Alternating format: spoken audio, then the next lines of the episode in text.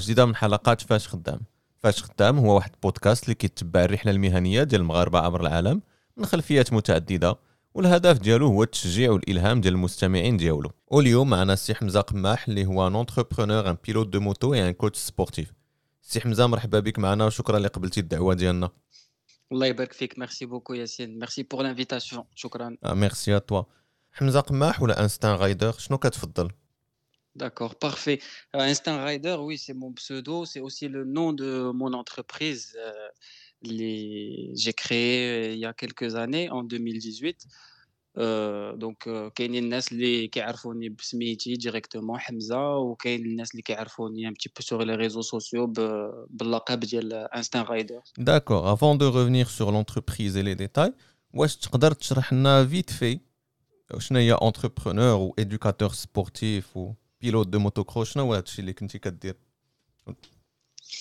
Euh, هادشي اللي كنت كندير euh, alors c'est un parcours un petit peu euh, un petit peu euh, ben, à l'image ديال داكشي اللي كندير justement ديال الموتوكروس ولا موتو تو تيران اللي هي ما باسيون من من الصغر ديالي Euh, donc c'est un parcours qui n'est pas qui n'est pas linéaire euh, ما عندوش euh, un point de départ euh, le point de départ ديالو راه كيكون باين donc c'est le point de départ au moment où on prend la décision mais le point d'arrivée c'est un rêve اللي ما كنعرفوش دائما شمن الطريق غادي نمشيو فيها باش نوصلوا ليها دونك سي ان بتي بو سا انايا كيفاش كنشوف لونتربرونيا سي سي اون افونتور سي اون افونتور ان فيت اللي خاصك دير فيها بزاف ديال الحوايج بزاف ديال لي زيفور وكاينين شي حوايج اللي كتعلمهم اون كور دو روت كتعلمهم مع ليكسبيريونس ديالك و et c'est ce qui fait c'est ce qui fait de moi un un entrepreneur euh, à mon sens D'accord, c'est bien bien noté. قبل ما نمشيو ونشرحوا بلوس لو بروجي ديالك ولا ce que tu fais dans l'entrepreneuriat j'aimerais نرجع معاك شويه لافونتور اللور وقبل ما تولي اونتربرونور نشوفوا وين يو دريم اباوت ات كنتي كتحلم على هذا على هذا الشيء شنو درتي من قبل؟ شنو قريتي؟ باغ اكزومبل كومون تو ريوسي واش جو سي با واش في ليكول باغ اكزومبل ماروكين ستوندار قريتي في نوت بيي واش قريتي في المغرب ومن بعد تو فواياجي تو بوغا نوز اكسبليكي ان بو بلوس peu plus Mhm. Mhm. Tout à fait, tout à fait.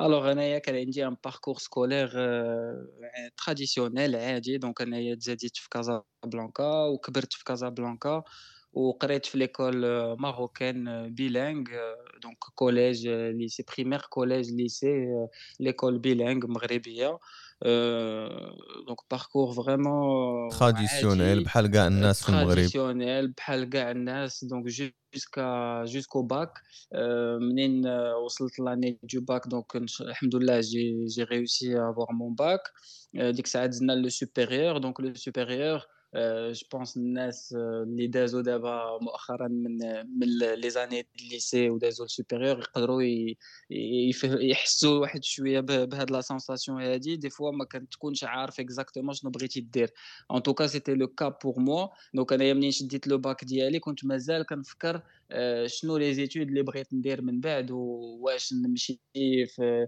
لانجينيوري واش نمشي في لو كوميرس واش غنمشي في الاركيتكتور كانوا بزاف ديال الحوايج اللي كيعجبوني ولكن آه، القراية ليكول لو سيستيم ديال ليكول اون جينيرال ما كانش دائما كيشجع ولا كيعطي اون انفي باش باش تبع. كانوا دي ماتيير اللي كيعجبوني وزوينين وكنبغي نقراهم.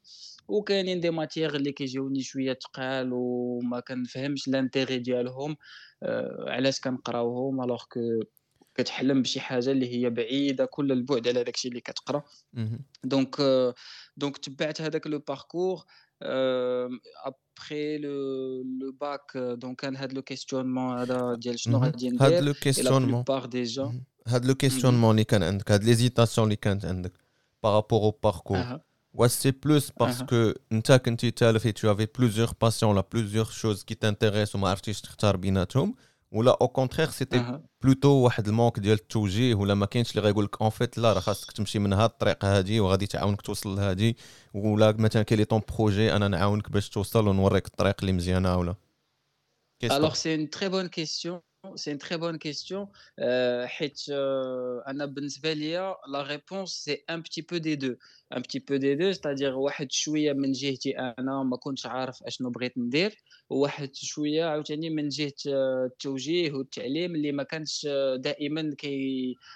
كيفهم وكيسمع وكيقدر يعطيك دي كونساي اللي غادي يوجهوك في الاتجاه اللي بغيتي انت تمشي فيه. مثلا أنا ليكزامبل ديالي آه، كبرت في واحد لو ميليو اللي آه، كانوا دايرين بيا بزاف ديال لي موتو وبزاف ديال لي كلوب آه، ديال لي موطار دونك كنت في واحد الجو اللي لا موتو شي حاجة اللي داخلة في داخلة في لا في كوتيديان داخلة في اكزاكتومون دونك أنا بالنسبة ليا سيتي نورمال بأنني منين غادي نكبر غادي نبغي نبقى في هذاك في هذاك لو ميليو ديال لا موتو حيت هو شي حاجة اللي كتعجبني بزاف وشي حاجة اللي تعلمتها من صغري اي كي مو باسيون و وكنت كنحلم بها وكنت كنحلم بأنني منين غادي نكبر غادي نولي بروفيسيونيل في لا موتو ونقدر ندير دي كومبيتيسيون في المغرب ندير دي كومبيتيسيون على برا ونمثل المغرب في البلدان الأخرى وندير فريمون اختصاص في هذا في هذا لو سبور وفي هذا لا ديسيبلين ديال لا موتو دونك منين كنت كنهضر على هذا هاد لو غيف ديالي مع الناس سواء في المدرسة ولا في في لي كور لي كور بارتيكولير كنا كنديروا داك السوايع إضافية باش كتوجد لي زيكزامان اولا مع الناس في, في لونطوراج ديالك لا فامي ولا لي زامي كيقول لك هادشي انت غير كتحلم به راه ما يمكنش راه ما كاينش.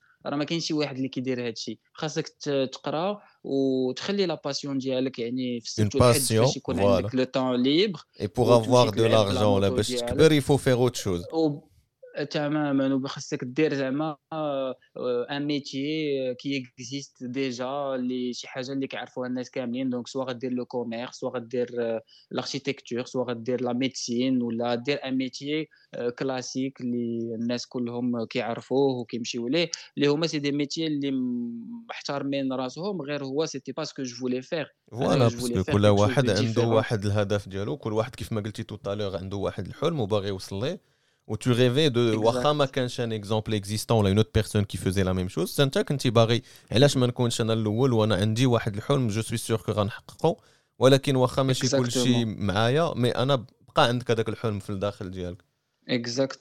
اكزاكتومون اكزاكتومون دونك انايا ما لقيتش جوستومون من واحد الناحية التوجيه اللي غادي يخليني نلقى الطريق اللي خصني نمشي فيها باش نوصل لهذا لوبجيكتيف ديال نولي ان بروفيسيونيل في, لا موتو ونشارك في دي زيفينمون في لو نيفو ناسيونال في لو نيفو انترناسيونال ملي كنت كنهضر على هاد لي لي زيدي كانوا الناس تيقولوا لي راه سي با بوسيبل راه ما تقدرش دير هاد الشيء راه سا اكزيست با وما عندكش كيفاش دير دونك خاصك تختار شي حاجه واحده اخرى اي اضطريت باش نختار اون ايكول دو كوميرس دونك جو مي سوي دي شنو هو لو دوزيام لو دوزيام شوا لا دوزيام اوبسيون اللي نقدر نمشي فيها اللي تكون كتعجبني ونكون مرتاح فيها انا ما كنتش كنتخيل راسي شي نهار نقدر نولي ان ميدسان ولا نقدر نولي ان اركيتكت حيت سي دي دومين اللي هما شويه بعاد عليا واللي ما عنديش فيهم دي زيكزامبل وما كبرتش فيهم دونك ما كانش عندي هذيك الفكره مي باغ كونتر لو كوميرس كان كيبان لي انتريسون فيه لو كونتاكت مع الناس سي فوزابل كان كيبان لي ان انتيغي بور فير دو كوميرس commerce, c'était une, c'était on, on, peut dire une deuxième passion un petit peu. D'accord. دونك مني شفتي راسك غادي تقرا الكوميرس ولا مني اختاريتي الكوميرس tu as décidé de faire une école de commerce وهاد l'école de commerce درتيها في المغرب نيت ولا مشيتي لشي بلاصه اخرى ولا كم اكزاكتومون الوغ درتها في المغرب جوست ابخي جوست ابخي لو باك Euh, donc c'est une école, euh, c'est une école qui est réputée au Maghreb, donc HEM Smita. Mhm. Euh, j'ai fait deux années, deux années d'études supérieures à l'école. la première année, automatiquement, عرفت راسي بأنني ماشي هذه هي الطريق اللي بغيت نمشي فيها. داكشي كلشي اللي كنا تنقراو وداكشي كلشي لو سيستيم اللي حنا غاديين به في ليدوكاسيون سي با سكو توا تو شيرشي ولا تو فولي كان كان مزيان ولكن كان كيبعدني على الهدف ديالي اللي هو نكون ان بروفيسيونيل في لا موتو. دونك لقيت راسي ما حد الوقت كيزيد ما حدني أنا كنبعد على داك لو غيف ديالي. اي دوكو جي ديسيدي داغيتي ابري دو زون ديتود في, في, في كازا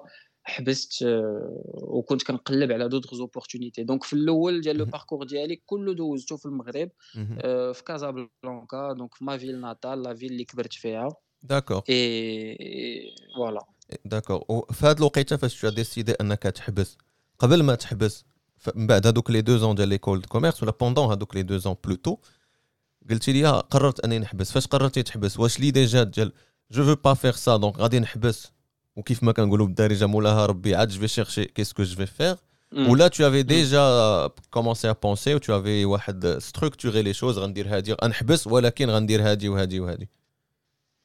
الوغ نو وي اي نو حيت الفكرة كانت عندي من النهار الأول صديق قبل كاع ما نبدا لي زيتود سوبيريور ديالي كانت عندي هذه الفكرة. دونك ما عمرها ما تحيدات ليا من راسي.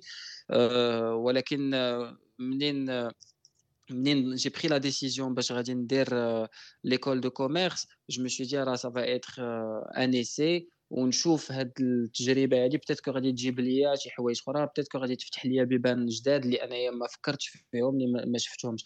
دونك منين دوزت العام الأول بان ليا بأن راه هذيك الشيء اللي كنت كنتخيلو راه ما كاينش. دونك أنايا ما حد الوقت كيزيد ما حدني كنبعد على لوبجيكتيف ديالي. اي دونك هذيك الفكرة ديال أشنو غادي نقدر ندير من بعد ما عمرها ما حيدت ليا من راسي. كانت ديما عندي في راسي ديما كنفكر فيها كونستامون ولكن ما لقيتش لا سوليوشن دونك ما حدني ما لقيتش لا سوليوشن قررت باش نكمل في ليكول دو كوميرس اون اتوندون ما نلقى شي طريق واحده اخرى اللي نقدر نمشي فيها اللي غادي تقربني لي غيف ديالي وتقربني لي زوبجيكتيف ديالي دونك جي ديسيدي دو كونتينيي في ليكول دو كوميرس دو زون من بعد جي ميم ديسيدي دو شانجي ديكول دونك بدلت اون اوتر ايكول في كازابلانكا نيت Et euh, même avec le choix de changer l'école, ce n'était pas une solution. Le résultat, c'était le même. Quand On les mêmes choses. Le système, le fond, c'est à peu près la même chose. Donc, euh, euh, entre guillemets, l'obstacle, un autre obstacle. Oh, voilà. Au lieu d'avancer, on choisit le fin à Nabari. غير بحال جي دي تورني لو بروبليم وغير درت الدورة ورجعت لبلاصتي. اكزاكتومون اكزاكتومون دونك جو سوبوز سا ما بري 3 ans سا ما بري 3 ans هاد هاد هاد ليكسبيريونس هادي سا ما بري 3 ans.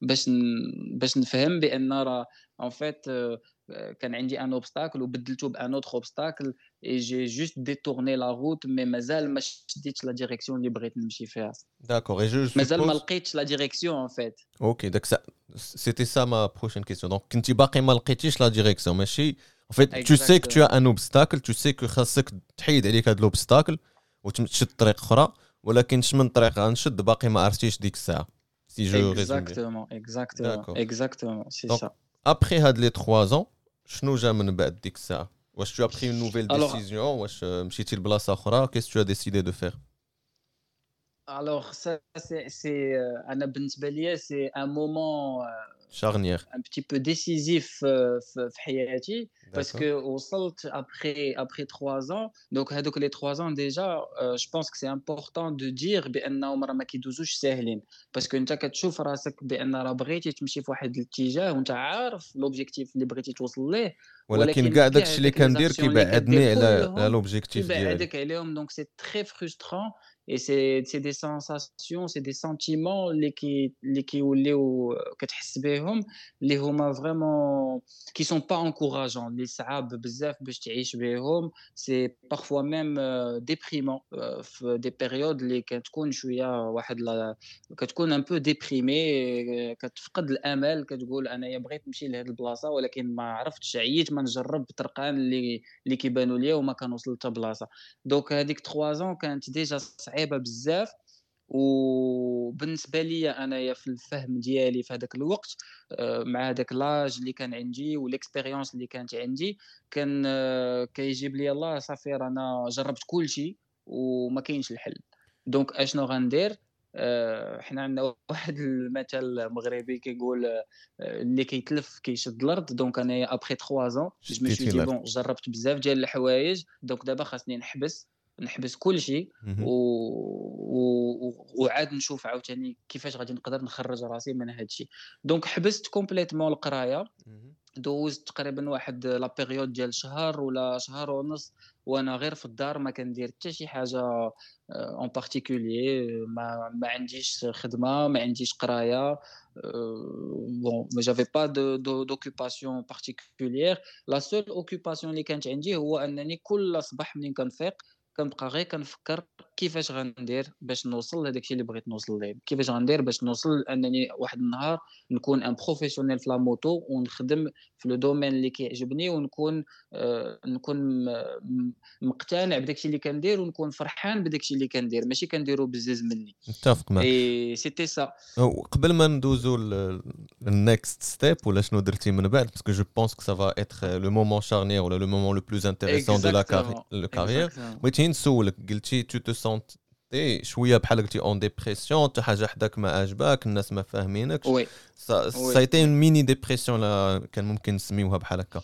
واش هاد هاد الشيء وي تو سيتي ان ديبرسيون أنا جو بونس هاد الشيء بالعكس تا دوني مني جلستي الأرض ولا شديتي الأرض كيف ما قلتي انت هادشي جو بونس تا موتيفي اونكور بلوس باش انك كل صباح كتفكر كيفاش غادي نلقى حل وكيفاش في افونسي وكيفاش غادي ندير داكشي اللي كيعجبني أنا اوليو دو جوست m'adapter في واحد لاكاز باسكو جاريف با رونتري في هذيك لاكاز كيف ما بغاوني الناس ندخل فيها دونك جو بونس كو سي ميم سي سيتي ان بو نيجاتيف في الاول مي اون فوا حسيتي براسك صافي غادي نخرج من هادشي وخصني ندير شي حل لراسي سيتي بلوتو اون موتيفاسيون ما بقاش اون ديبرسيون نو اكزاكتومون غير هو في صراحه يافي دي مومون اللي صعاب بزاف نفسيا اللي اون جوست انفي دو بيسي لي برا صافي كتقول انا ما بقيت باغي والو ما كاين لا احلام لا حتى حاجه هادشي ما خدامش سافا با مارشي وكنبداو نقلبوا على دي زيكسكوز كيف ما كانوا كتقول بتيتر صحابي ما كيفهمونيش المدرسه ما كيفهمونيش عائلتي ما كيفهمونيش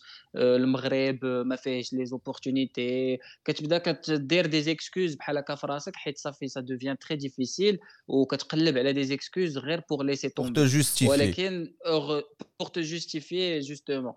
Mais الحمد لله heureusement que هذيك لا بيريود اللي جلست فيها وما درت حاجة ابار لا ريفليكسيون سي فريمون واحد لا ريفليكسيون اللي كترجع للاصل ديالك وكتفكر واش فريمون هاد لي غيف واش بغيتهم بصح ولا غير كنتخيلهم في راسي وصافي سي جوست اتس جاست ا ويش كنقولوا اتس جاست ا ويش اتس نوت ا جول الوغ منين فكرت مع راساتي ولقيت راسي بأنني اتس نوت ا ويش سي با جوست شي حاجة اللي كنتمناها وصافي بالعكس هو واحد الهدف اللي أنت باغي توصل ليه وباغي دير اللي في جهدك باش توصل ليه. ماشي غير كان حلم ما كرهتش. تماما. دونك منين تأكدت من هاد الحاجة هادي في راسي؟ منين تأكدت فيها في قلبي؟ لا.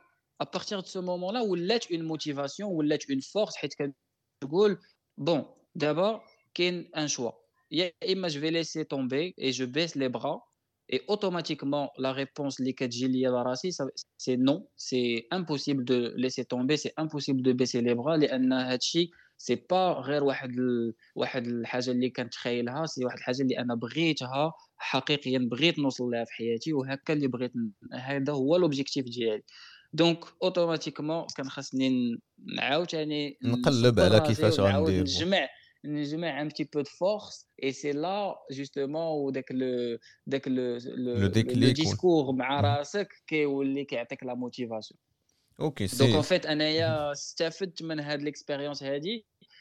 هذيك الهضرة اللي غادي تقول مع راسك هي اللي غادي تخليك سوا تزيد لقدام أو لا ترجع باللور. سي كيف ما كنقولوا أنت ريحتي مع راساتك ريحتي مع راسك بلوتو وتذكرتي أنت وراسك وقلتي لي عرفتي شنو؟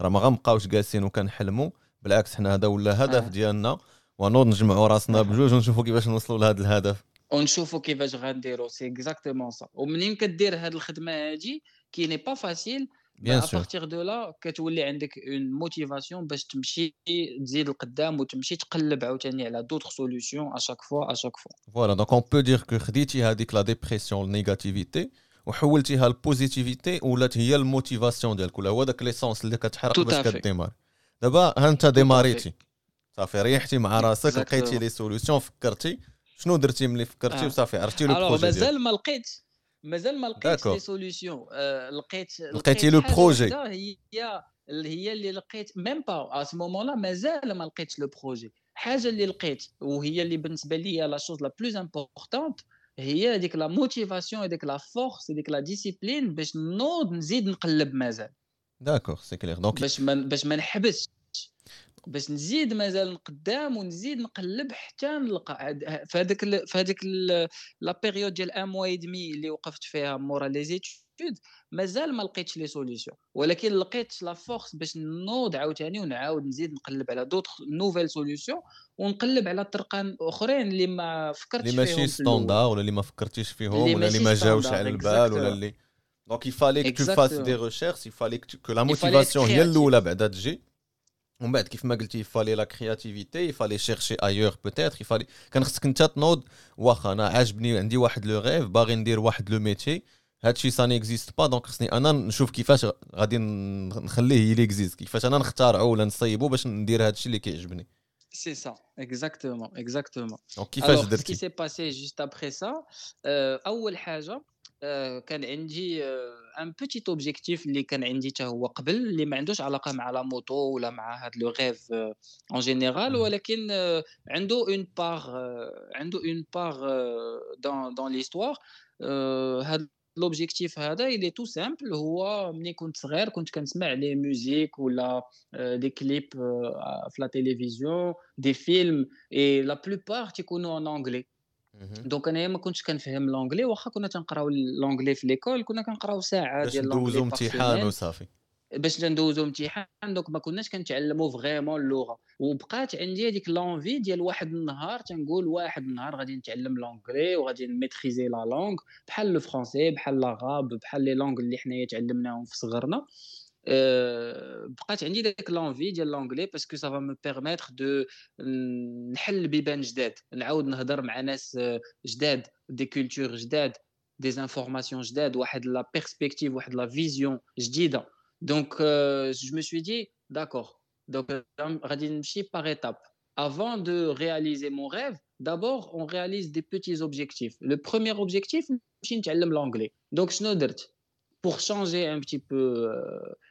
تبدل لو الجو كادر وتبدل باش لو كادر اللي عاوتاني انت نبدل عاوتاني اييه الافكار ديالي ونعاوتاني نعطي شويه ديال الاكسجين لمون سيرفو ما يبقاش كيشوف غير دي شوز نيجاتيف نيجاتيف نعطي شويه اون opportunité de voir des choses nouvelles donc euh, j'ai décidé de m'inscrire dans dans une école de langue اللي كاينه en Europe في في مالط داكور alors مالط اختاريت اختاريت مالط euh, pour euh, plusieurs raisons أولاً, la première raison, c'était- c'est que c'était euh, une des écoles euh, les moins chères que j'ai trouvées en Europe. Donc, pour des raisons financières, euh, باش تقدر j'ai décidé تفينونسي de, بعدا de- واحد شويه لو باش نقدر برو نبقى plus, long- plus longtemps. Par exemple, كون مشيت ل- un autre pays, je sais pas, l'Angleterre ou la- les États-Unis, مثلا كنت غادي نبقى غير واحد 3 semaines ولا 4 semaines. بل même euh, les, les بودجي mêmes charges اللي مهم. غادي يتقاموا عليا, le même budget, je vais pouvoir rester le double euh, du temps في Malte. Donc, automatiquement, j'ai décidé de partir à Malte parce que je vais profiter deux fois plus de l'expérience. فوالا و سا Euh, فا ايتر et en نوفيل même temps, كولتور اون نوفيل لونغ غادي تعلمها حوايج جداد تلقى ناس exactement, جداد سا فا تو بيرميت دو تو exactement, رافريشير اي دو تو شونجي لي زيدي وباش انك ت... و ملي ترجع للمغرب غيكون واحد نوفو ديبار عاوتاني ويكون الواحد nouveau départ. c'est exactement ce qui s'est passé. Donc, je suis parti à Malte et j'ai découvert euh, un très beau pays. C'est un petit, c'est une petite île. Donc, euh, je te laisse imaginer euh, l'ambiance qui fait Jdeira, très familiale, très chaleureuse. C'est pas donc, les grandes villes, il fait des grands bâtiments avec beaucoup d'étages et dans la circulation, la pollution. C'est pas du tout ça. C'est une petite île qui est très calme. Euh, il y a des quartiers qui sont très actifs. Les, les gens, ils font la fête. Il y a des restaurants euh, mais c'est pas que ça. Il y a beaucoup d'histoires, il y a beaucoup de cultures. Que tu l'architecture qui fait qui fait naissent les canaux des, des siècles. Comment ils ont construit des constructions avec des formes incroyables, avec des couleurs, avec des dessins, des choses. Les شفتهم أول مرة كنا كنشوفوا داكشي غير على التلفزيون داكشي أول مرة غنشوفو في حياتي بمي بروبر جو دونك منين مشيت عشت هذيك ليكسبيريونس في مالت سا دوري 6 سيمين دونك شهر ونص. شهر ونص. آه شهر ونص في مالت. تعلمت فيها لونجلي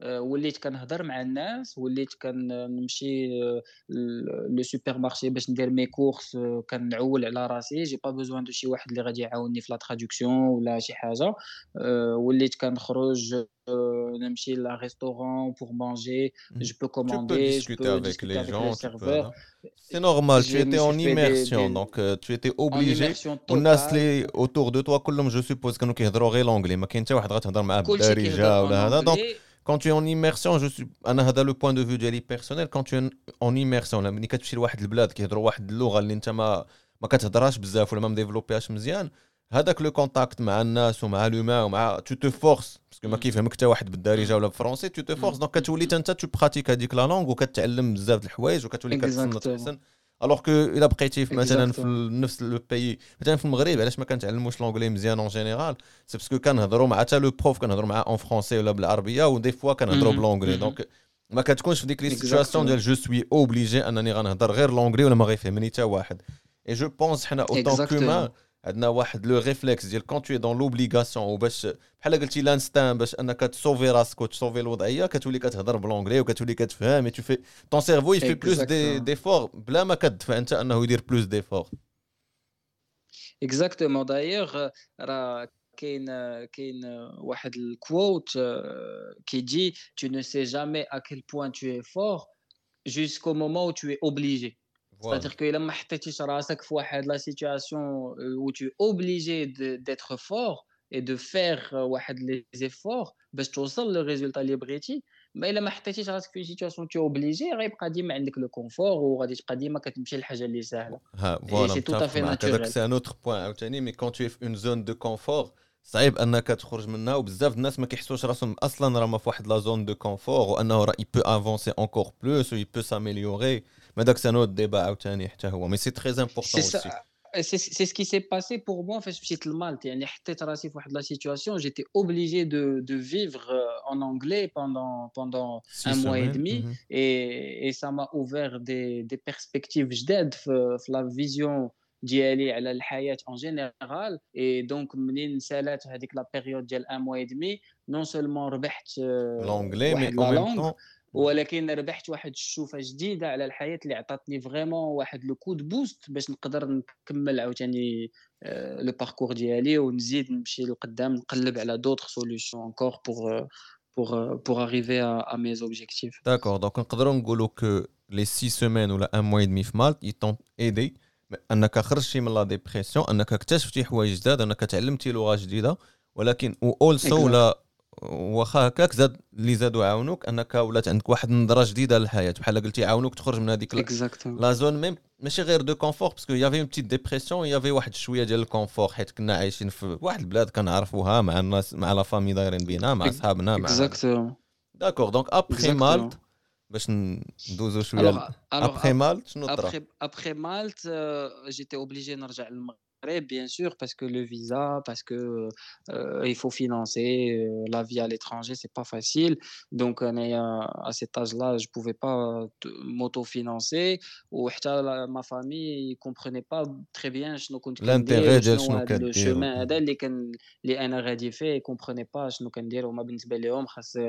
تقرا باش توصل لواحد المستقبل ديالك دوك خص يكون عندك ان ديبلوم اكسيتيرا وأنا جيتي با كونتر هاد الفكرة هادي سي جوست كو تو افي تا بروبر فيزيون اللي كندير خاصها توصلني لواحد الاتجاه اللي أنا بغيت نمشي فيه اللي غادي يقربني لي زوبجيكتيف ديالي. دونك كانوا الوغ ابخي مالت بديت كنقلب جوستومون على شنو هما لي زوتر اوبورتونيتي اللي عندي سواء في المغرب ولا خارج المغرب دونك قلبت على دي زونيفرسيتي اللي فيهم دي ماتيير ان بو ان بو ان بو ديفيرونت دو داكشي اللي كلاسيك اللي تنقراو في ليكول دو كوميرس اللي قريت انا ان توكا في ليكول دو كوميرس في لا بروميير اني في كازا et euh, j'ai des, des universités en Malte, mais malheureusement, bah, je n'ai pas donc ça n'a pas fonctionné, euh, histoire d'administratif, de, papier, de visa et tout ça.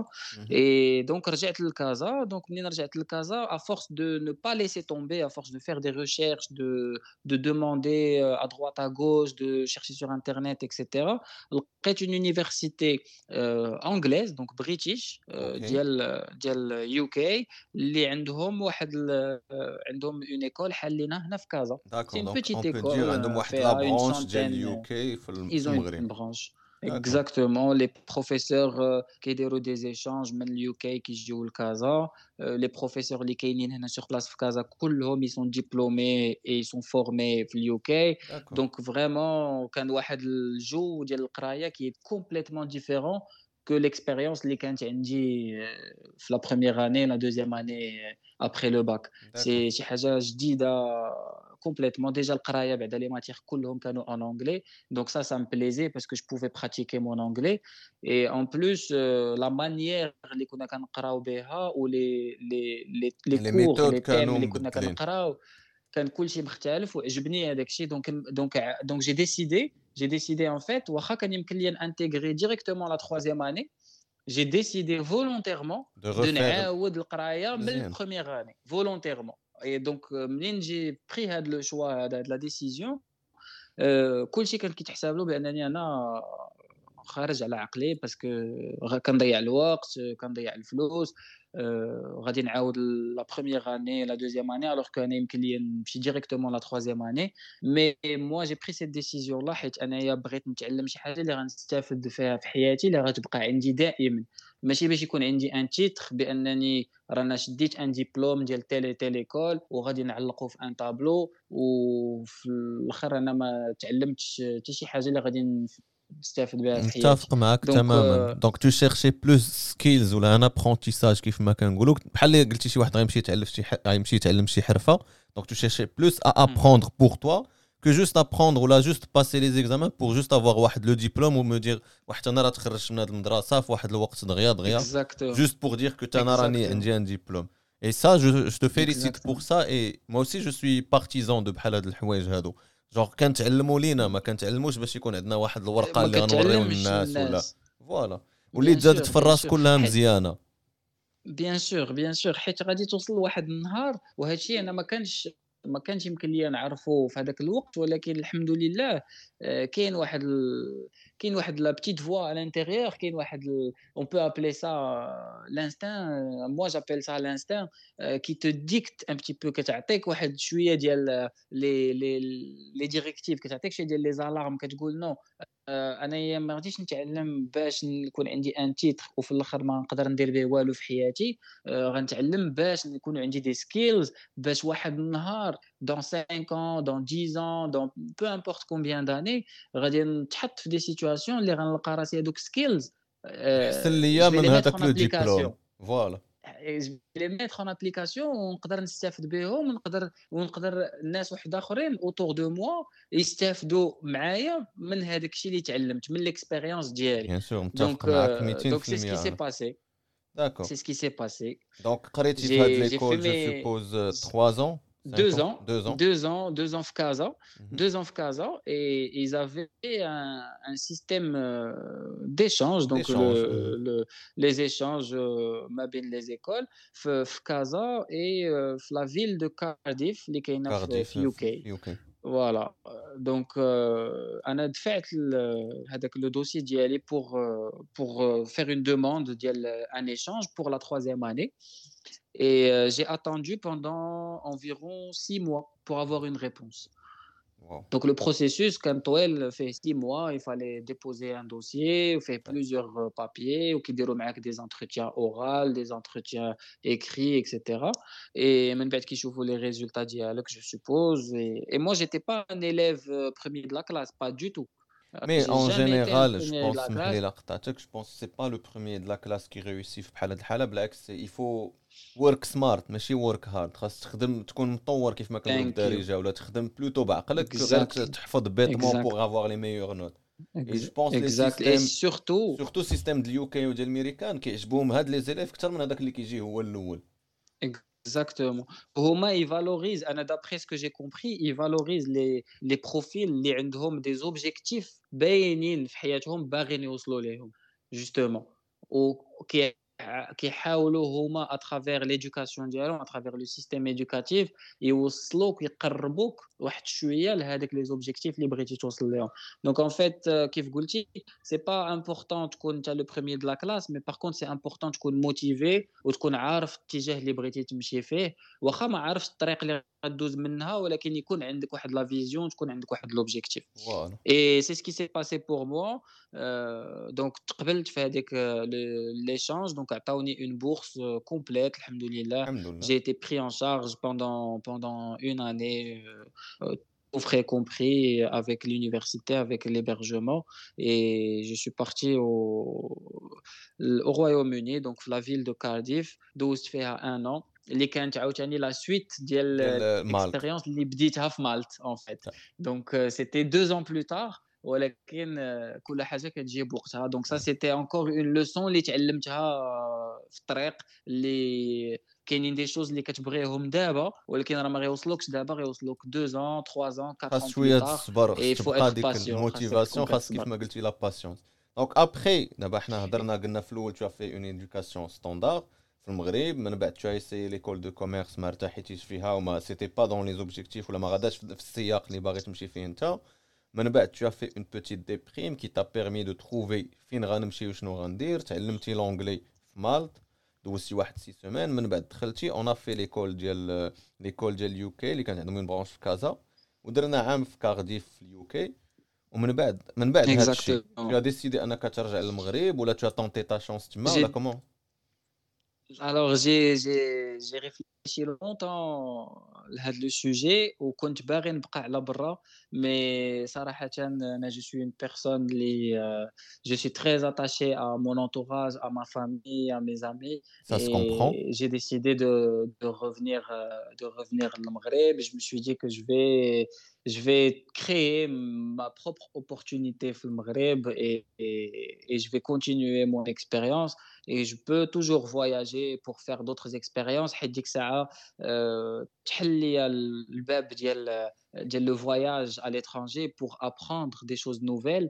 euh, et revenir عاوتاني les mettre en application dans la vie de tous les jours euh, que ce soit في- في- أنا je parle du Maroc parce que c'est mon pays natal mais ça peut ça peut être le cas n'importe où dans le monde donc أنا j'ai décidé de revenir chez moi et c'est là où je suis né c'est là où ma famille est née رجعتي et c'est لي là où j'ai راسين grandi. c'était important pour moi de revenir. Donc, mmh euh, entre-temps, j'ai pu trouver un, un stage euh, en Asie, donc euh, Taïwan. Mmh donc, euh, j'ai décidé de partir à Taïwan pour faire un stage de deux mois. Donc, euh, j'ai eu un stage, une usine de, de fabrication de motos. D'accord. أنا بديت كنقرب les objectifs اللي بغيت فوالا حيت الشيء اللي هضرنا عليه هذا. الباركور كامل ما هضرناش على لا موتو نسيناها شوية دونك بديتي عاوتاني كترجع فيها لا. موتو نسي- لا نسيناها اوطون كو. حنا كنهضروا مي انت باقا في لوبجيكتيف ديالك هادشي اللي بغيت نقصد justement, parce que le parcours اللي أنايا عشته آه، بحال إلا خلاني ننسى لا موطو اونتر غيومي واخا أنا ما عمرني ما نسيتها ولكن الطريق كلها اللي دزت منها ما كانتش كتخليني نقرب لا موطو كانوا كاع لي زيكسبيريونس اللي كندوز منهم كيبعدوني على لا موطو وانايا كنحاول دائما نقرب نحاول نلقى بقيتي متشبت بهذاك الهدف ديالك كيف. ما كنقولوا a duré vraiment longtemps. Ça a duré euh, 4 ans, peut-être plus que 4 ans en fait. Donc- من أكثر من. أكثر من 4 ans. دونك نرجعوا لتايوان مشيتي لتايوان بوندون دو مشيت موا مشيت une compagnie de fabrication de, de motos, donc euh, qui se le motorat, euh, Bon, euh, comme j'étais en stage d'observation et que je suis étranger, donc je ne trouve les petits secrets du Normal, c'est une entreprise, c'est normal. les secrets, on ne va pas en tant qu'étranger.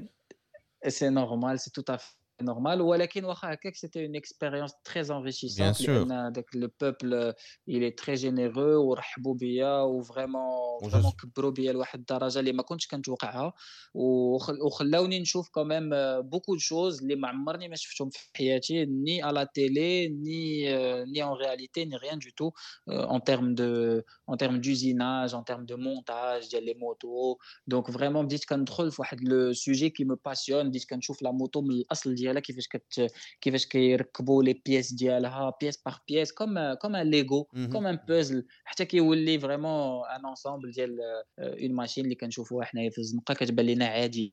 دونك هذيك ليكسبيريونس خلاتني عاوتاني نكبر اونكور بلوس ونتعلم عاوتاني اونكور بلوس دو شوز اللي تفتحوا لي الدماغ ديالي. Et, et, le fait de rencontrer une nouvelle culture, de nouvelles perspectives. Donc, j'ai passé deux mois à Taïwan, euh, dont euh, trois semaines. Euh, j'avais pu mettre un petit peu d'argent de côté à travers avec le stage Leader et j'ai loué une petite moto, donc un scooter en fait, un petit mmh scooter.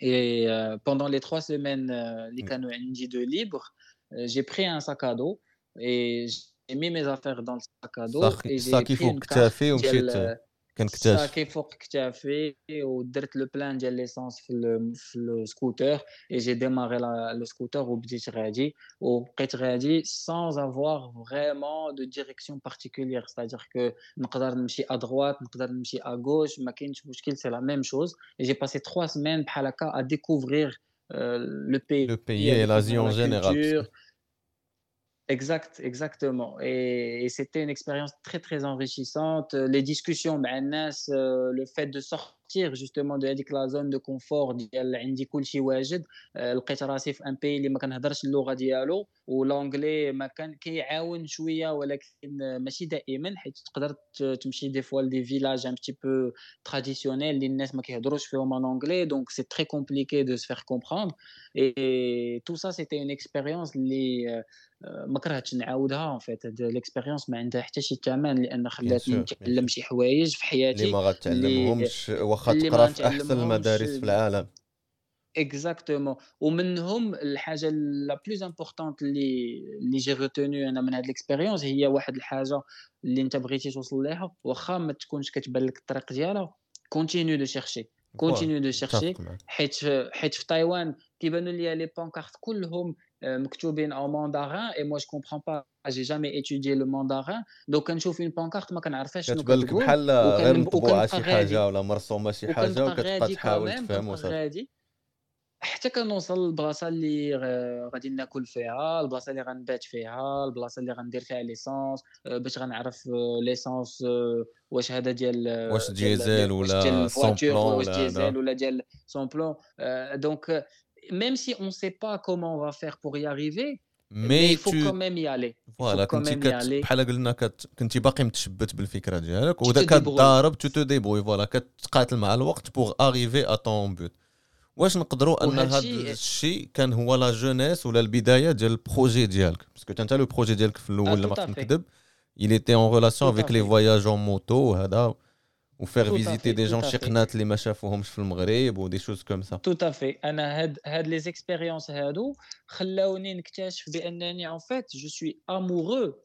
de ces, ces, ces, ce genre de, de sensation, le fait de découvrir des choses nouvelles, le fait de partir البلايص اللي ما كيمشيوش ليهم الناس بزاف اللي الناس ما كيزعموش يمشيو ليهم لقيت راسي انا هادوك البلايص اللي الناس ما كيزعموش عليهم اللي كيبانو كيخلعوا شوية باسكو سوا ما كنعرفوش هذيك لا كولتور سوا ما كنعرفوش هذيك اللغة سوا ما كنعرفوش الطريق اللي غنمشيو ندوزو منها. ملي كيكون هذاك لانكونو صافي ان بتي بو سا امبرسيون ان بتي بو ما كيزعمكش باش تمشي لهذيك لافونتور كتعطيك واحد شوية ديال لادرينالين هذاك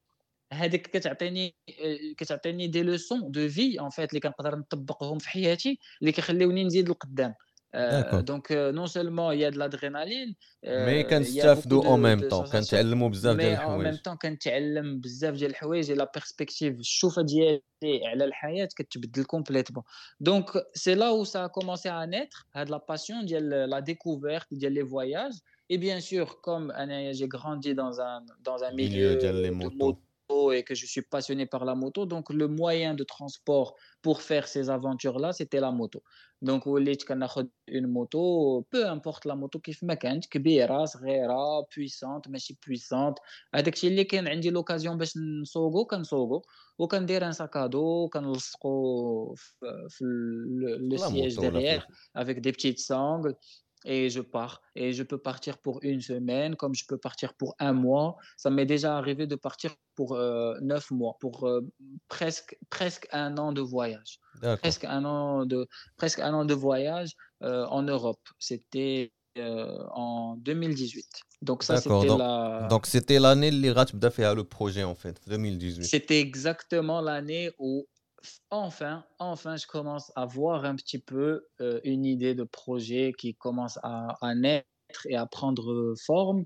Et, et لقيت راسي en fait كاع les années اللي دازو من قبل donc واحد 4 ans اللي دازو من قبل من 2014 2013 jusqu'à 2017 2018 هذيك les expériences كلهم اللي دازو في هذه la période euh, c'était une phase préparatoire en fait اللي كانت كتوجدني داكشي اللي غيوقع في 2018 en fait exactement exactement وهادشي ما كانش يمكن لي نعرفو à l'avance ما عرفتوش حتى bien sûr هادشي سي هذا عرفتو voilà c'était pas quelque chose qui était écrit sur du papier noir sur blanc راه غادي دوز من هنا ومن هنا ومن هنا وغتوصل au contraire c'est tu as ta, tu as eu ta propre expérience ودوزتي بزاف ديال التجارب وسافرتي وتعلمتي وديميرديتي كيف ما قلنا وتقاتلتي مع الوقت وغندير هذه وهذه وهذه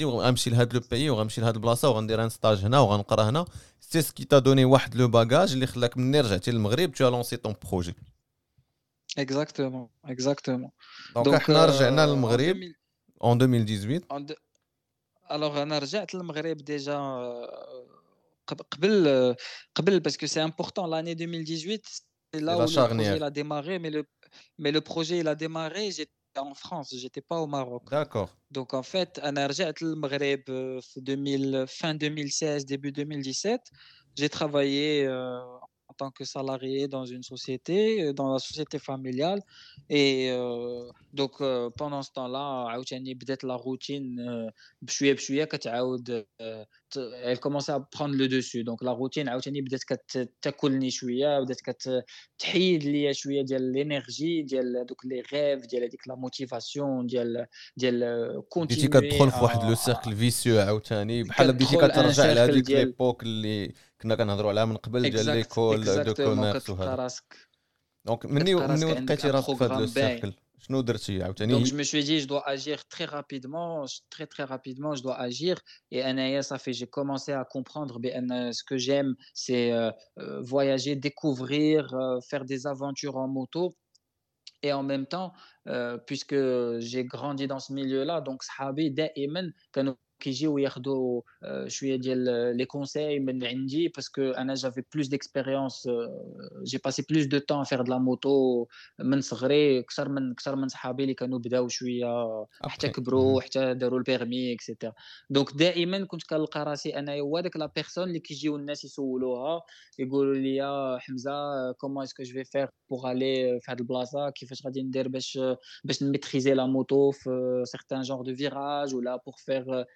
des franchissements, passer par des cailloux, des montagnes, des passages un petit peu difficiles, traverser un, un WED, des choses comme ça.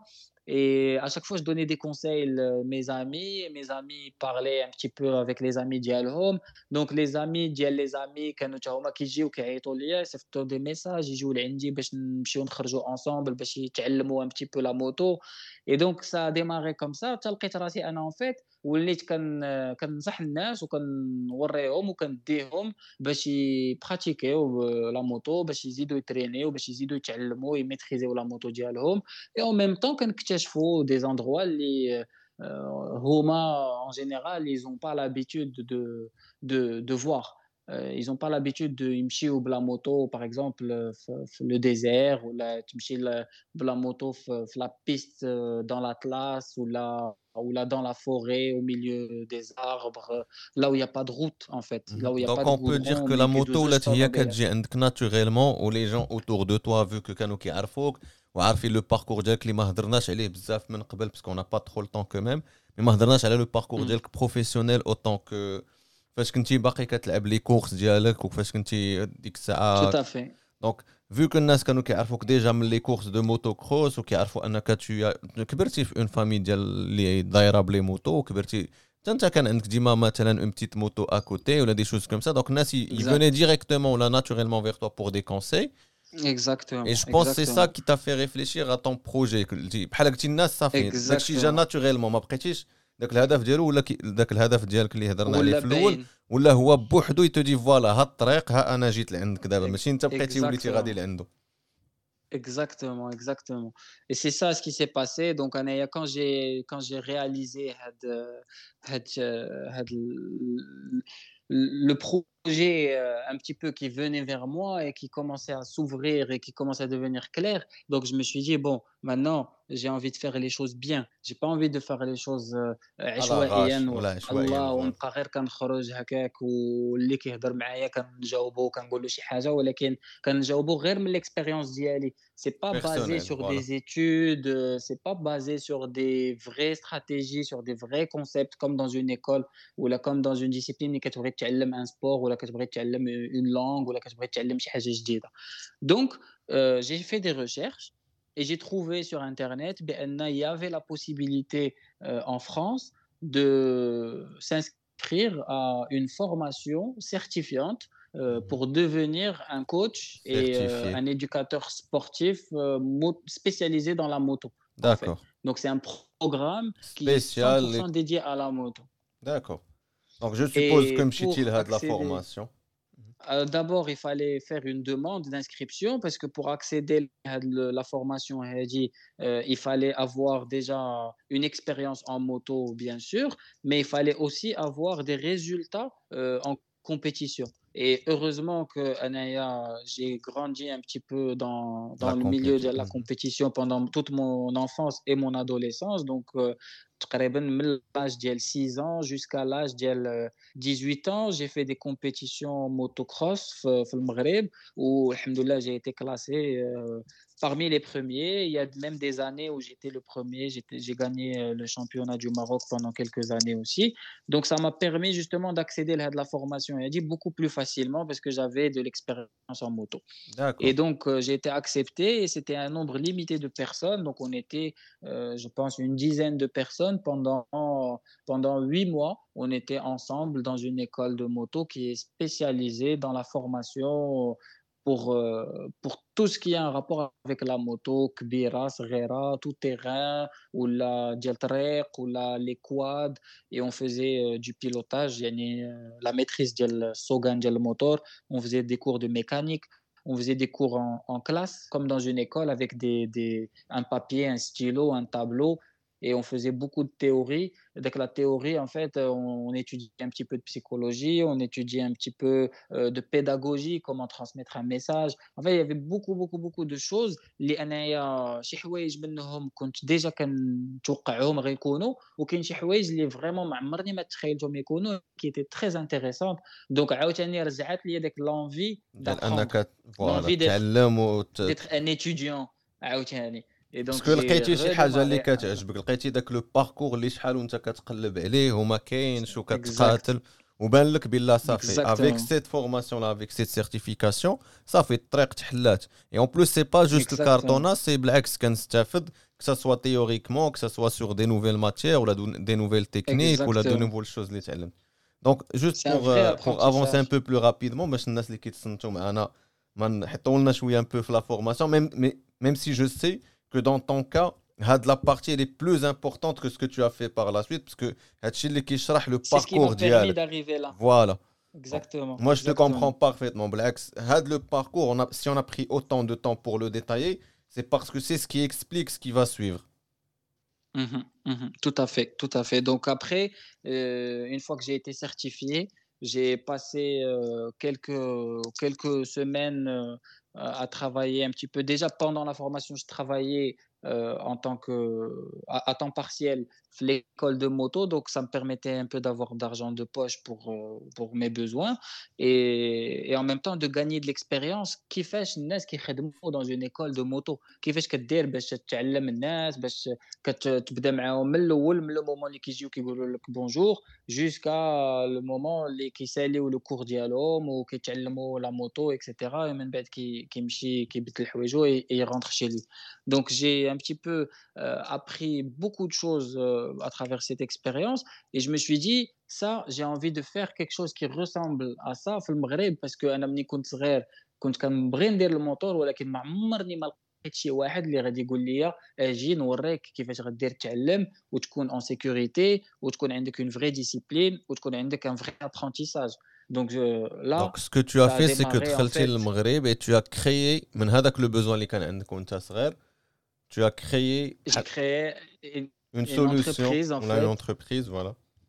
Vas-y. Exactement, où je commence à proposer, où je commence à proposer des solutions pour les, pour les adultes et pour les enfants euh, euh, qui veulent vraiment s'initier euh, au monde de la moto et aussi au monde de la moto tout-terrain, donc euh, motocross ou là, ou là en balade dans les forêts ou là dans les montagnes, etc.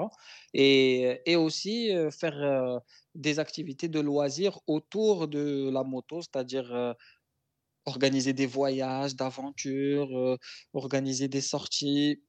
sur la route ou la, ou la hors route. Donc, on a vraiment fait beaucoup, beaucoup de, de, de voyages, beaucoup de sorties avec des thèmes complètement différents, mais à chaque fois, ça tourne toujours autour du même sujet, la passion de la moto en fait.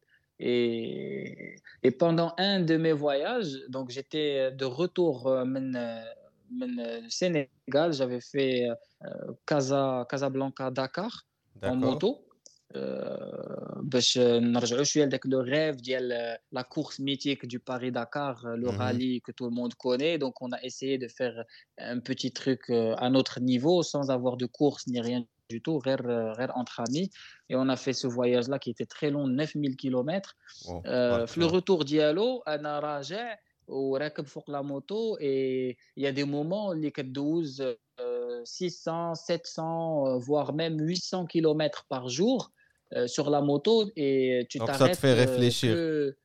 Ça te fait réfléchir beaucoup, beaucoup, beaucoup, énormément. Et, et comme si c'était, entre guillemets, tombé du ciel, j'ai lié à la racine avec le nom, avec le pseudo d'Iel Instinct. Instinct Rider. D'accord. Donc, laisse Instinct parce que je me suis dit, en fait, pendant tout mon parcours, qu'est-ce qui m'a guidé Qu'est-ce qui C'était mon instinct qui m'a guidé. En fait C'était mon instinct. À chaque fois, à chaque fois qu'on dit non, je vais abandonner هنايا ولكن بعد كنقول non, je peux pas abandonner parce que si j'abandonne راه ما غنوصل حتى شي حاجه. Et à chaque fois ما كنعرفش الطريق اللي غادي نمشي فيها في حياتي وكنلقى شي حاجه اللي غادي تعاود ترجعني شويه لا ديريكسيون وبقيت غادي au fur et à mesure des années qui passent jusqu'à ce que je trouve euh, un petit peu ma voie. Donc, euh, j'ai décidé d'appeler ça instinct Rider, euh, donc l'instinct pour mon instinct qui m'a guidé, et, Rider, euh, pour parce euh, que rider les, motos. D'accord, donc c'est très clair. Donc c'est venu comme ça. Juste pour résumer un peu, ben, ben après tout ton parcours, Sahel, où tu as eu plusieurs obstacles que tu as pu te tu les dépasses, finalement, jette l'idée, tu crées la société, Sminaha Instinct Rider, mais Instinct Rider, je ne sais pas qui dire ça. Enfin, la société, mais ah. Hamza Qamah. Alors, la société Instant Rider, au début, euh, on a démarré par organiser euh, principalement des stages euh, de pilotage, des formations, un petit peu des journées. Donc, ça se passait sur, sur une journée ou la, ou la deux journées en week-end. Et, et on essayait un petit peu de transmettre l'idée de la moto Oui, effectivement, il y a un côté un peu de risque et de danger.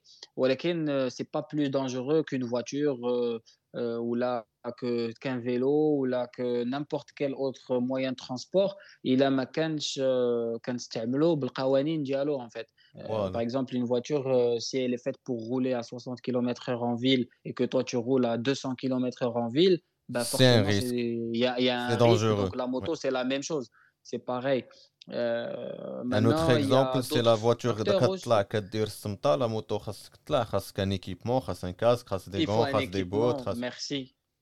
Merci, exactement ça, ça fait partie de la discipline aussi. Donc, euh, euh, si j'ai pas le bon équipement, si j'ai pas la bonne méthode euh, de conduire la moto, si j'ai pas les bons réflexes, euh, ما كنعرفش نخدم le frein correctement, par exemple, ما كنعرفش نخدم les vitesses correctement, par exemple, certaines choses. Euh, donc, si j'ai pas ces, ces, ces outils, entre guillemets, ces skills, ben forcément, راه أنا اللي كنحط راسي en danger parce que je n'ai pas acquis les choses qui sont importantes باش نكون en sécurité. Donc en fait, euh, au début de Instant Rider, euh, les événements qu'on organisait, c'était ces événements-là de, de sensibilisation un petit peu euh, pour transmettre le message que la moto, ça peut être euh, un moyen de de- d'apprendre parce que moi ça m'a permis d'apprendre beaucoup de choses في حياتي, beaucoup de de vivre beaucoup d'expériences qui m'ont aidé في حياتي ou en même temps ça peut être fun c'est pas obligé que ce soit tout le temps dangereux Mhm. Mhm. C'est pas obligé. Il a ça peut être un moyen euh, qui est plus, très, agréable et qui est accessible à tout le monde. Voilà, c'était plus. Ça, c'est une idée. Mhm. C'est une idée que la plupart des gens râlent ils pensent que la moto euh, connais euh, une certaine taille ou là une certain un certain poids ou là ah, euh, c'est réservé peut-être que pour les hommes euh, parfois les gens ils pensent un petit peu ça tu non c'est difficile pour les filles c'est moteur ou là mais alors que en vrai tout ça c'est complètement c'est juste des techniques et des réflexes à avoir et des choses à apprendre. Exact, exactement. Donc ça a commencé comme ça. Et au fur et à mesure, euh, on a commencé à créer un petit peu un monde autour de ça. On a commencé à créer, euh, à avoir plus de monde, plus de gens euh, qui, qui, adhèrent à le concept, à l'idée. La moto, c'est un outil d'apprentissage qui peut en même temps être fun, mais qui peut t'aider à évoluer dans, ta vie de tous les jours, qui peut t'ouvrir des perspectives, parce qu'il faut, faut être patient, à Wallen et il faut être persévérant c'est-à-dire que des fois كيكون شي حاجه صعيبه ولكن c'est pas parce que هذيك الحاجه صعيبه que je vais abandonner il faut que je réessaye المره الثانيه والثالثه والرابعه حتى نوصل ليها donc en fait c'est des obstacles dans la moto que tu dois franchir et dans la vie c'est la même chose parce que c'est ce que moi j'ai vécu j'ai eu plein d'obstacles et il fallait persévérer à chaque fois le point il est très clair, je pense, on, a, on en a parlé tout au travers du podcast et on en revient là. C'est qu'aujourd'hui, tu as créé, on, peut dire ta boîte ou là, ton entreprise, mais la culture mhm. de la boîte ou là, la culture de l'entreprise, elle reflète le parcours Tout à fait. Tout à fait, tout à fait. Et, euh, et plus le monde euh, ils adhéraient à cette idée-là, et, euh, et un petit peu euh, le concept de Instinct Rider, ça, ça a évolué vers Instinct Riders. Avec donc on est S. devenu plusieurs personnes en fait, avec un S, donc au pluriel. On est devenu plusieurs personnes euh, à, à transmettre had le message, had la philosophie, had un petit peu, à partager had les valeurs. Et, et, et il fallait pas que ça reste limité que à moi, parce que moi j'ai j'ai انت بحال قلتي démarré درتي had الحجره الاولى l'idée. فوالا تو ديماغي Exactement. ودابا وكل داك الشيء انا واحد اللي كيجيب la تعلمت ولا جو participation ديفلوبي اللي ديالو. جا غادي دي- غيزيد فوالا البارتيسيباسيون ديالو ولا ال- Exactement.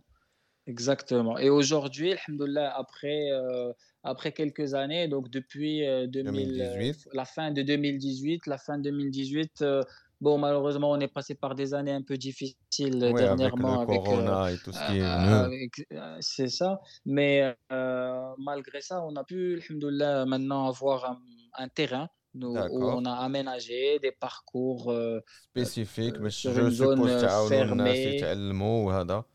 Exactement, sur une zone qui est fermée, qui est sécurisée, avec avec du matériel euh, qui est aux normes, euh, euh, avec un espace d'accueil où les gens ils peuvent être accueillis de manière confortable, ils peuvent aller se changer, ils peuvent aller se rafraîchir, des choses comme ça. un cadre où ils peuvent venir se faire plaisir, comme, comme n'importe quel loisir. En étant safe et, et, en, et, en étant, que les gens puissent aussi se transmettre les valeurs ou la philosophie entre eux. Des gens, les Humakdam, qui ont déjà atteint un certain niveau et qui transmettent aussi aux nouveaux qui viennent d'arriver. Donc, en fait, c'est tout un écosystème qui est en train de se créer. Et les Mabkhetch, forcément, un Daimen, ou le centre dialogue. Moi, j'ai mis, comme tu as dit, la première pierre. Et maintenant, à chaque fois euh, que les personnes arrivent, il y a chacun qui, qui ramène un petit peu son expérience, et, et, ça crée un échange autour, autour d'une passion qui est toute simple au final, c'est la moto en fait mais on a réussi à en sortir quelque chose de, de très sympathique. Moi, je pense que c'est très motivant et c'est très inspirant. Oh, je sais qu'on, je, je l'ai déjà dit, mais je le redis, que ton Zaf sur une partie qui est le parcours plutôt scolaire ou la universitaire ou la mais c'est ces expériences qui t'ont permis d'aller vers ça. Alhamdoulilah, aujourd'hui, tu as créé, on peut dire même un centre où tu, peux faire, où tu as fait de ta passion non pas seulement un lieu les tu partager avec les gens mais aussi tu leur apprends la passion directe you share with them la passion اللي عندك ما بقيتيش غير c'est pas juste un business je fais le business juste pour le business ou là pour l'argent mais plutôt c'est une passion que je partage avec vous et ça se limite pas à moi ou là aux personnes autour de moi ça se limite à اي واحد بغى يدخل معنا ويشارك ويتعلم ولا عنده حتى هو de l'expérience qui veut transférer aux autres là donc كيف ما قلتي c'est devenu un écosystème plus grand que toi ou là, plus grand que le fondateur ديالو on espère, Inch'Allah, qu'on plus positif, ou on ramène plus de gens, plus de gens qui adhèrent à ça. On a de, de plus en plus de motards qui s'intéressent, ou là, de personnes qui s'intéressent à la moto Maghreb. Et moi, je pense que c'est très bien. Parce que même si c'est pas le, le but de l'épisode, mais le permis d'aller Maghreb, mais honnêtement, ce que tu apprends, c'est vraiment du basique. C'est que tu as les vitesses.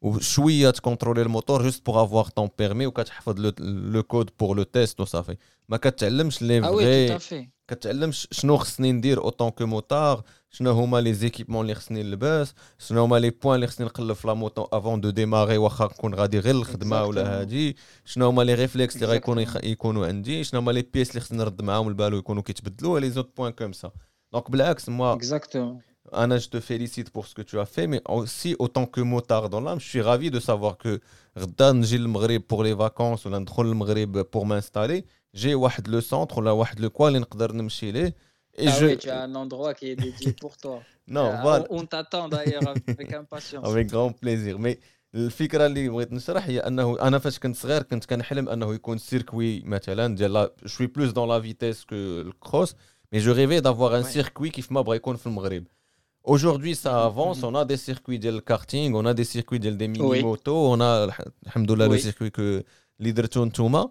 Et Blacks, moi, ça me fait réfléchir. Maintenant, moi, je vis en Chine. Si je veux faire de la moto, c'est très difficile pour moi parce que soit c'est très loin, soit c'est très exclusif, soit c'est très cher, soit. Il y, a des, y a des obstacles. Mais là, aujourd'hui, je pense que mm. la là, le Maghreb, pour être une moto, ok. يلا انا يلا كنتعلم ولا باغي نتعلم ولا عندي موتور جي دي ليكسبيريونس جو فو لاميليوري ولا غير كيعجبني بغيت نمشي نجرب دونك بالعكس بور موا سي اون بون شوز اي سي ان بون ديبي واخا راه سي با جوست ان ديبي مي سي ان بون ديبي بور لو ديفلوبمون ديال لا موتو في المغرب ماشي غير بور انستانت رايدر ولا حمزه قماحي سون اكسبيريونس مي جوست بور جو بونس بور تو لي موتار في المغرب Exactement. Donc, Instinct Riders, du coup. Voilà. c'est plus Désolé, Riders. Non, non, mais c'est ça. Et c'est ça, tout à fait. Tu as très, très bien résumé la situation. Et euh, en fait, c'est pas que un business, c'est beaucoup plus qu'un business. Parce que si c'était que pour euh, l'argent, on aurait arrêté il y a très longtemps et on aurait fait un métier classique, qu'on aurait un salaire, une sécurité, une stabilité. Alors que c'est pas du tout le cas maintenant. On a dû prendre beaucoup de risques. Ou vraiment, la visibilité. Il fallait croire en son projet, il fallait croire en son rêve et, et persévérer, continuer de pousser, aller de l'avant. Alhamdoulilah, euh, le résultat, euh, c'est que le début, hein, comme tu dis. Oui, mais c'est déjà positif. C'est encourageant. C'est encourageant, voilà. C'est plutôt genre, j'ai pas fait tous ces efforts وما ضيعتش هذا الوقت كامل وهاد l'énergie وهاد les voyages وهاد الشيء اللي درت كله ما مشاش فالو بالعكس ça m'a aidé à faire ou à devenir ce que je suis aujourd'hui. Ah, Blacks, j'aimerais bien, Blacks, qu'on finisse sur une note comme ça. Mais avant de finir, j'aimerais bien résumer et revenir sur, quelques points. Oui, bien sûr. J'ai eu une scolarité normale au Maghreb. Mais c'est pas un truc normal, mais comme beaucoup de jeunes au Maghreb, j'ai pas réussi la première partie de l'université d'Yali. Ou bzaf à ce moment, il lâche tout. Il dit que là, le Maghreb m'a tanné, ou là, les parents d'Yali m'a aounouni, ou là, la madrasa m'a ajbatni. Ah. Ou plusieurs personnes au lieu كيف ما قلتي انت tu as pris un mois ولا un mois et demi واللي كنتي فيه كاعي اون ديبرسيون مي سا تا ايدي ا تو موتيفي من بعد شحال من واحد باسكو بتيتر لونتوراج باسكو بتيتر هو داك لا ديموتيفاسيون غلبات عليه باسكو النيجاتيف يمكن ما ما عاونوش ولا دي تروك كوم سا كيصدق مضيع مستقبله Alors que toi, au lieu de dire كل je sais que c'est pas facile. Mais alhamdoulilah, tu as eu l'instinct, tu as eu le fikra, tu as eu l'idée اللي عاوناتك انني اوكي j'ai toujours le rêve, viens, j'essaye. Je vais essayer six semaines, je vais essayer de je vais faire ça. Et les formations, les voyages, les autour, parce qu'on n'a pas pu tout détailler, c'est ce qui a mhm. ce qui t'a permis de projet à ton image.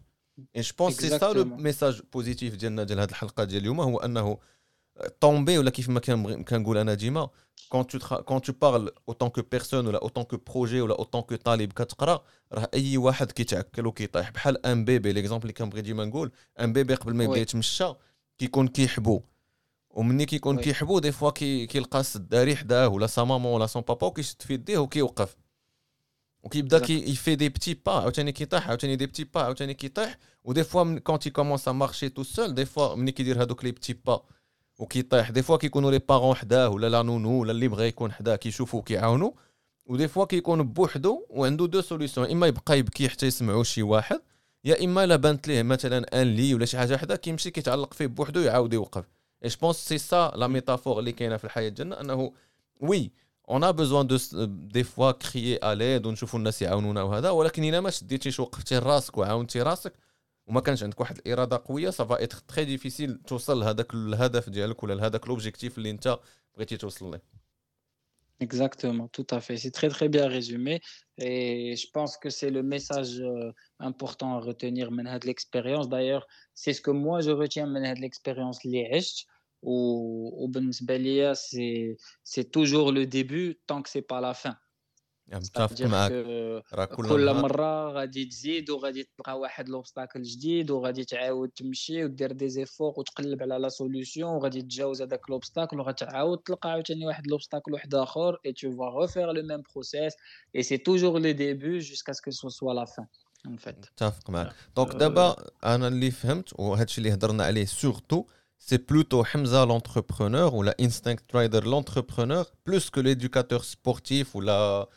le pilote, oui. l'ancien pilote de moto. Il a brité 4-5 minutes, on pourra parler oui. de Hamza l'éducateur sportif. Parce qu'aujourd'hui, le projet, il est là.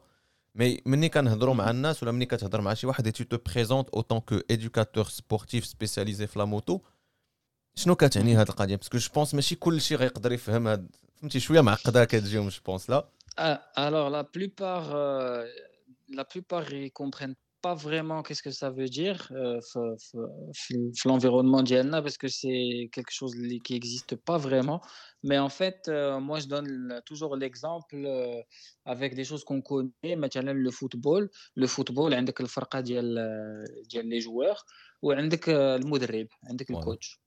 Donc, en fait, c'est un petit peu la même chose, sauf que le sport de la moto, la discipline de la moto, c'est un sport qui est individuel c'est pas un sport d'équipe donc انت كتكون راكب في لا موتو ديالك وعندك une discipline à, à appliquer parce que la moto fait plusieurs disciplines فيها le tout terrain فيها la vitesse اللي هضرتي عليها انت le trial des franchissements donc il y a vraiment beaucoup de choses l'objectif il peut différer d'une moto à l'autre soit rouler vite ou la rouler doucement mais sur des terrains qui sont difficiles, qui sont compliqués, et, et c'est pas les mêmes disciplines.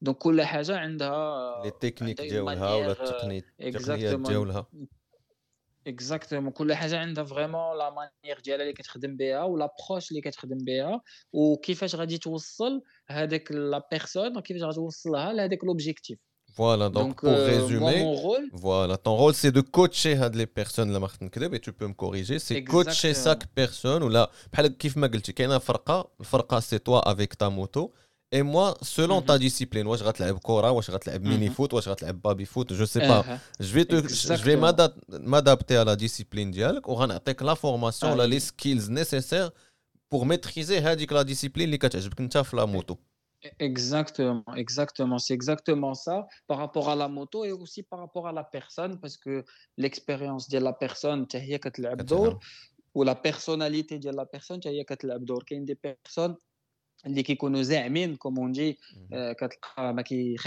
ont des personnes qui ont un peu plus peur de de. difficultés زعما donc il faut il faut il faut un petit peu aussi jouer euh, entre guillemets le rôle euh, du psychologue un petit peu bon pas vraiment on n'est pas dans de la médecine mais euh, il faut jouer un petit peu sur ال- النفسيه ديال الناس باش كتقدر توصلوا يدفع هذيك لا بارير يزيدها لقدام ما يبقاش دائما في لا زون اللي de... هو كيعرف مهم. يمشي دونك لواحد كاين لا كاين زون واحد اللي هو ما شويه ديال كيعرفهاش ليدوكاسيون ماشي غير الكوتشينغ مي راه كاين واحد التقنيات اللي كيرجعوا بحال نقولوا ليدوكاسيون شويه وكيفاش تبارطاجي مع الناس وكيفاش تعلم à كيفاش تتادابت 100% Ouais.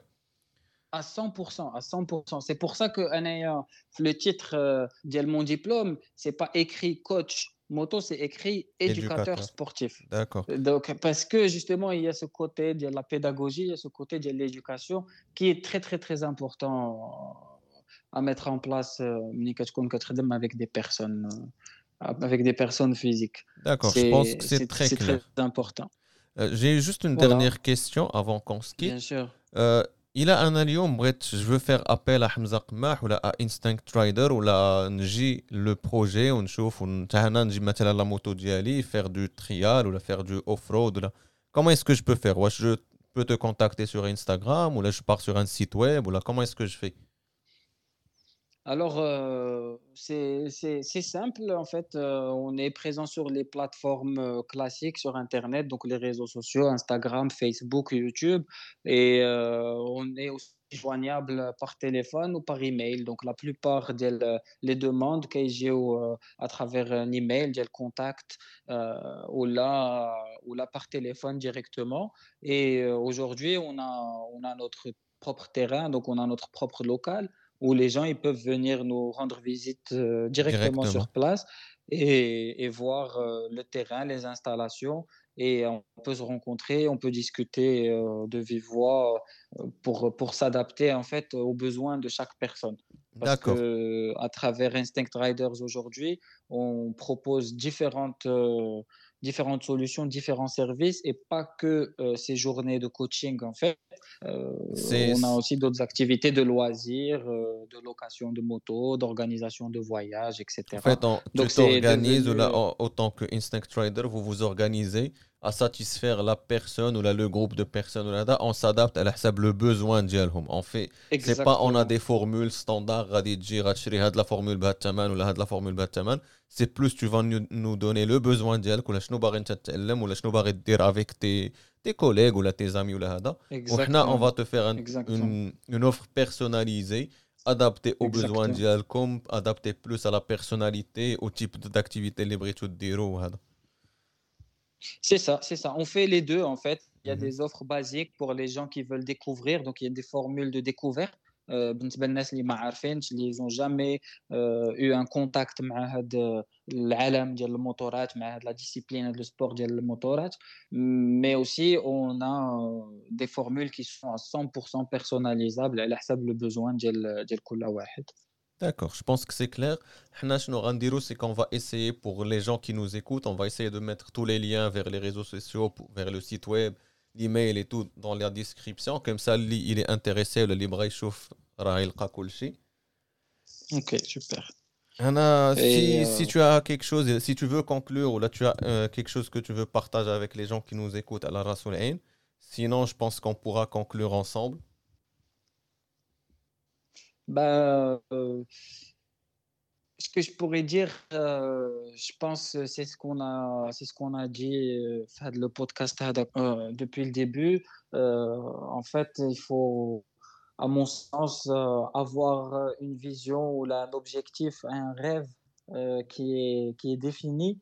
euh, اللي غادي نبغي نعيش عليه نعيش على ودو وندير دي زيفور على ودو باش ما نطيحش جوستومون في هذيك لا ديبرسيون ونخليها تغلب عليا ونقول راه l'environnement m'a عطانيش ولا euh, x y raison et, euh, et il faut aussi et surtout euh, être persévérant et être patient متفق Euh, معاك Anna, pour 100%. moi, c'est c'est simple, mais c'est pas facile et il faut garder ça en tête بأن راه c'est pas toujours facile وما غاديش نلقاو دائما الحوايج كيف ما حنا بغينا نلقاوهم ولكن c'est pas une raison pour baisser les bras et pour abandonner.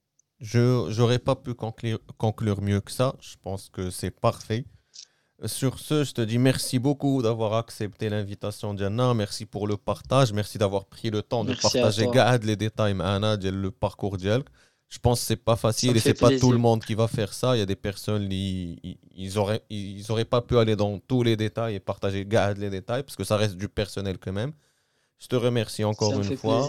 Le plaisir est partagé et à bientôt Inch'Allah.